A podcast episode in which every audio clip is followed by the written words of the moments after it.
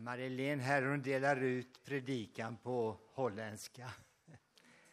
Den är översatt genom Google, eh, Google Translate och eh, jag skickade det till Bob och han förstod ingenting. Så jag förskickade en svenska till honom. Så det har varit en hel del pyssel med att få ihop detta. You, you can start to read from verse 1. That was what Anders uh, uh, read for us just now. Mm.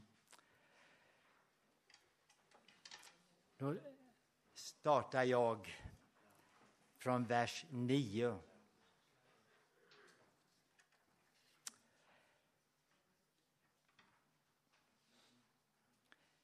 Jag läser vers 9 också. Denna världens människor beter sig klokare mot sina egna än ljusets människor gör. Ja, jag säger er, använd den ohederliga mammon till att skaffa er vänner som tar emot er i evighetens hyddor när mammon lämnar er i sticket. Den som är trogen i smått är trogen också i stort. Och den som är ohederlig i smått är ohederlig också i stort. Om ni inte har varit trogna i fråga om den ohederliga mammon, vem vill då anförtro er det som har verkligt värde? Och om ni har varit trogna i fråga om andras egendom, vem vill då ge er det som ska tillhöra er? Ingen kan tjäna två herrar. Antingen kommer han att hata den ene och älska den andre eller att hålla fast vid den ene och inte bry sig om den andre. Ni kan inte tjäna både Gud och mammon. Herre, vi tackar dig för ditt ord. Öppna våra hjärtan så att vi kan lyssna och ta emot. Amen. Kan det verkligen vara så att det inte bara är bedrägeri och rackarspel i den så kallade marknaden och i finansvärlden? Utan att det handlandet också får beröm i Bibeln. Får sin uppskattning av Jesus själv. Det verkar ju så när vi läser och Herren berömde den ohederlige förvaltaren för att han hade handlat klokt. Så står det ju faktiskt. Men innan jag tar mig an dagens text så vill jag stanna vid ett litet ord i första meningen som Anders läste. Där står det Jesus sa också till sina lärjungar. Det är det där också. Det betyder att han fortsätter direkt efter den förlorade sonen med den ohederlige, oärlige förvaltaren. Det borttappade fåret, det borttappade myntet, det förlorade sonen och sen kommer den oärlige förvaltaren. Den, den tänker på den förlorade sonen och den oärlige förvaltaren. Båda hade ju slösat bort tillgångarna men båda grep också efter den enda chans som de kunde ta. Liknelsen idag den handlar om skulder som är övermäktiga. Och idag så talar vi ju inte bara om tredje världens skuldkris utan också om Europa som USAs, den så kallade rika världens. Och helt klart är att vi kommer att lämna enorma skulder efter oss till kommande generationer. Liknelsen, liknelsen idag är liksom mitt i prick och frågan om förvaltarskap är rykande aktuell, inte minst när det gäller våra pengar. Jesus lyfter fram ett par av alla de skuldsatta som den slösaktige förvaltaren nu sitter framför med, sitt, med deras skuldebrev. Hundra krus olja, det kunde vara över 3000 liter. Det behövdes 150 olivträd för att få fram en så stor avkastning. Och en arbetare behövde slita i kanske tre år för att få fram så mycket olja. Att få skriva 50 på skuldbrevet var naturligtvis en enorm lättnad. Men det var ju inte rätt. Och både förvaltaren och den skuldsatte som själv gjorde ändringen var indragna i samma bedrägeri.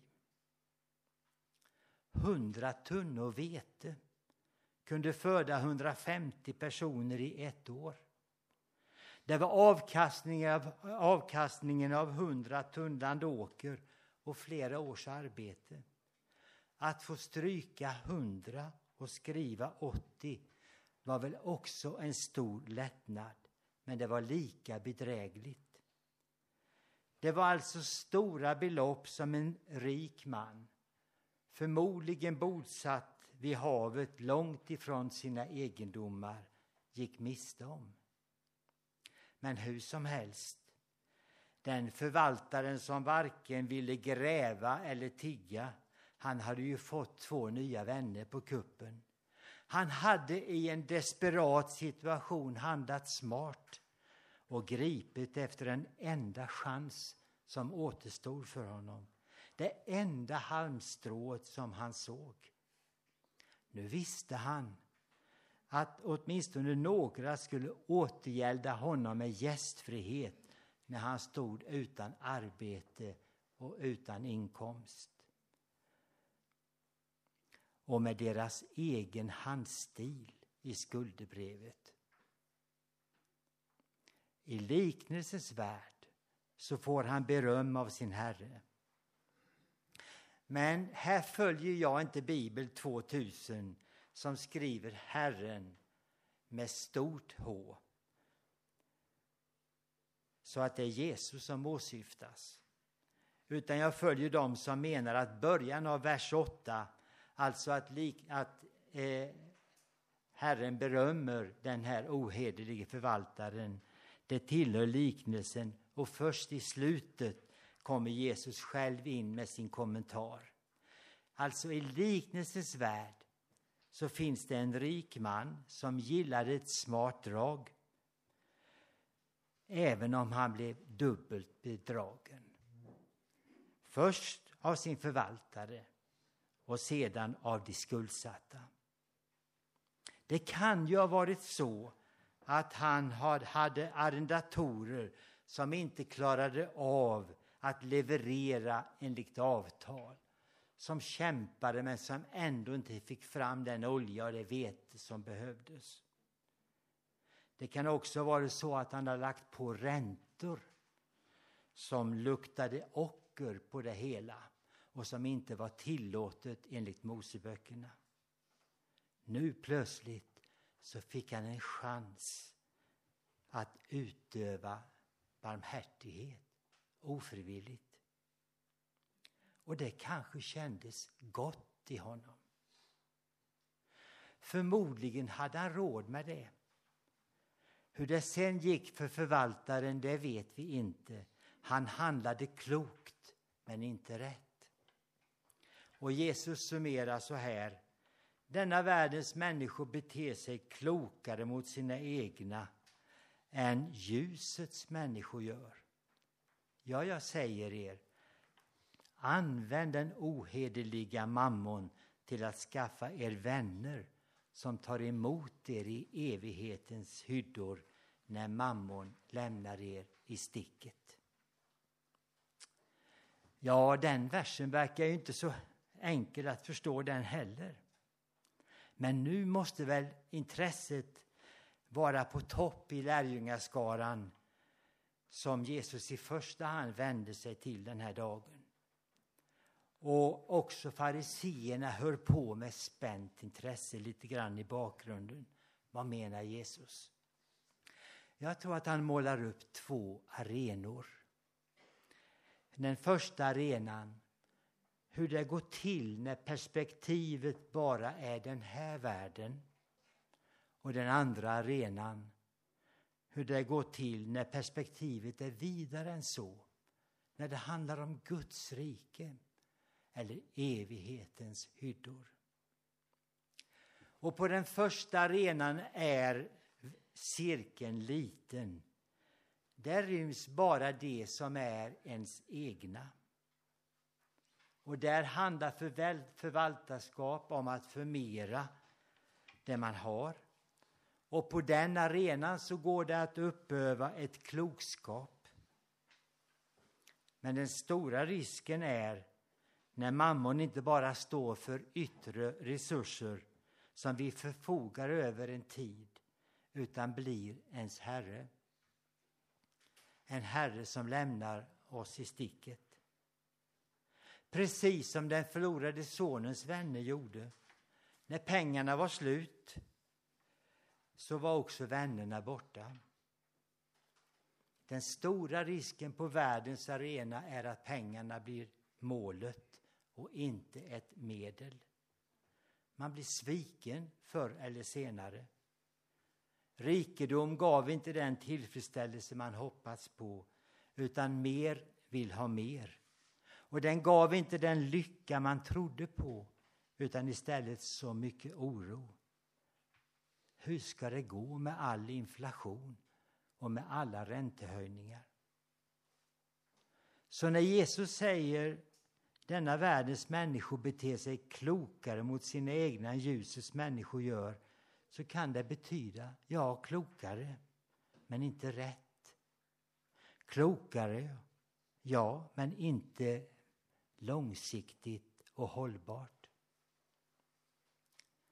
Men så finns det en annan arena där man leds av ett annat ljus där man kan vara en mammons förskingrare genom givmildhet men en god Guds förvaltare. Precis som kvinnan som bröt den där dyrbara alabasterflaskan och smorde Jesu fötter.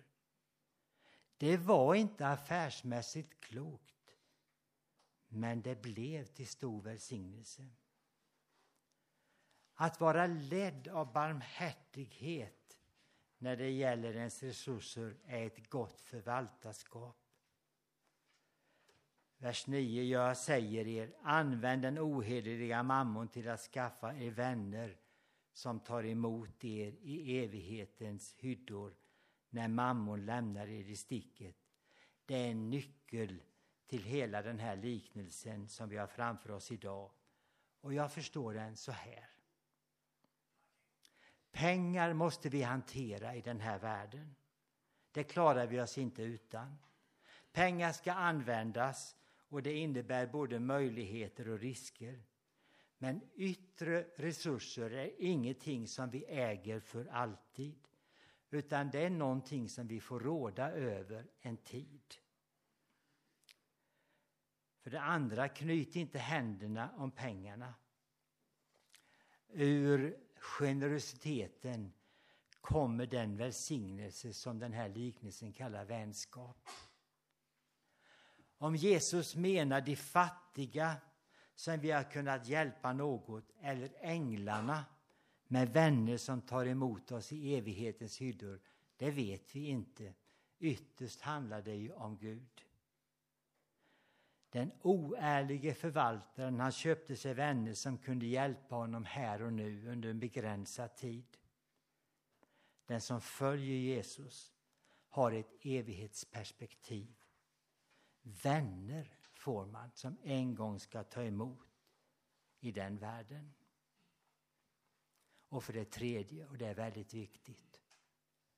Mammon är den som lämnar oss i sticket. Men det gör inte Gud. Varken i tid eller i evighet. Vi inser idag att frågan om förvaltarskap är en överlevnadsfråga för mänskligheten. Och Bibeln ser på människan som den varelse som har fått det allra största ansvaret i skapelsen. Ett ansvar uppåt, om vi får använda den bilden, mot hela skapelsens Gud och ett ansvar nedåt mot hela den övriga skapelsen. Vi har alla fått ett stort förtroende. Och till detta stora ansvar har Bibeln och kristen tro, tror jag, ett bidrag att ge. Och det ligger i ord som rättfärdighet med motpolen ohederlighet. Barmhärtighet med motpolen egenintresse. Och långsiktighet med motpolen kortsiktighet. Kan ett sådant förvaltarskap förändra världen? Ja, Jesus ger oss idag ett ledord som rymmer ett större löfte än vi kan ana. Var trogen i smått, så är du trogen också i stort. Var hederlig i smått, så är du hederlig också i stort. Och jag tänker att det ligger väldigt mycket i ordet stort. Fundera över det.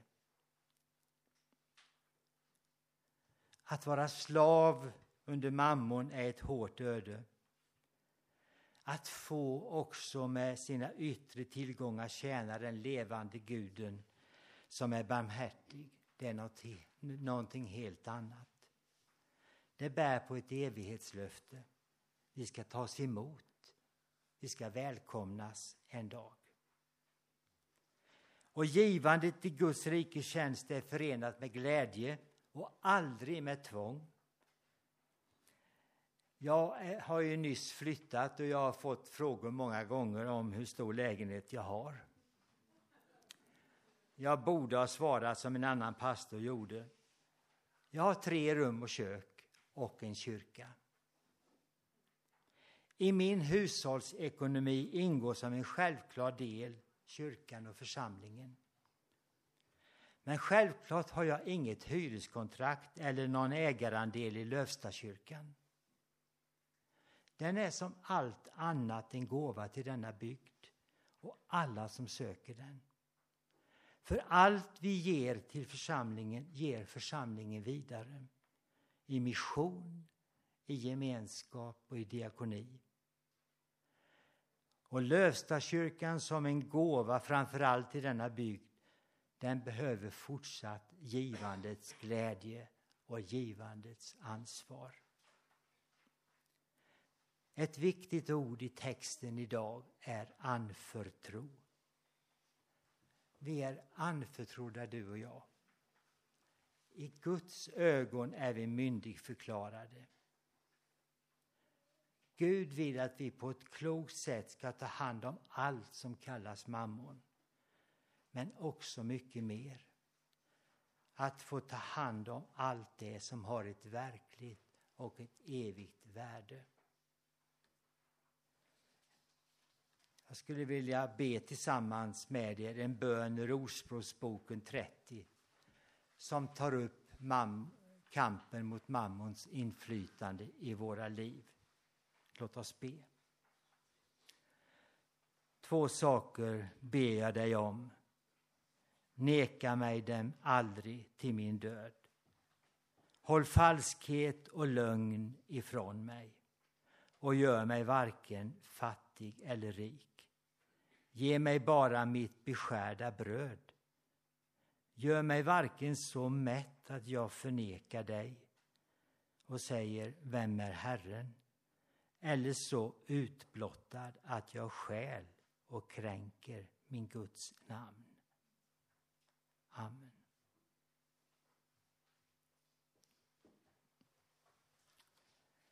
Vi ska övergå till vårt nattvardsfirande, men vi inleder det genom att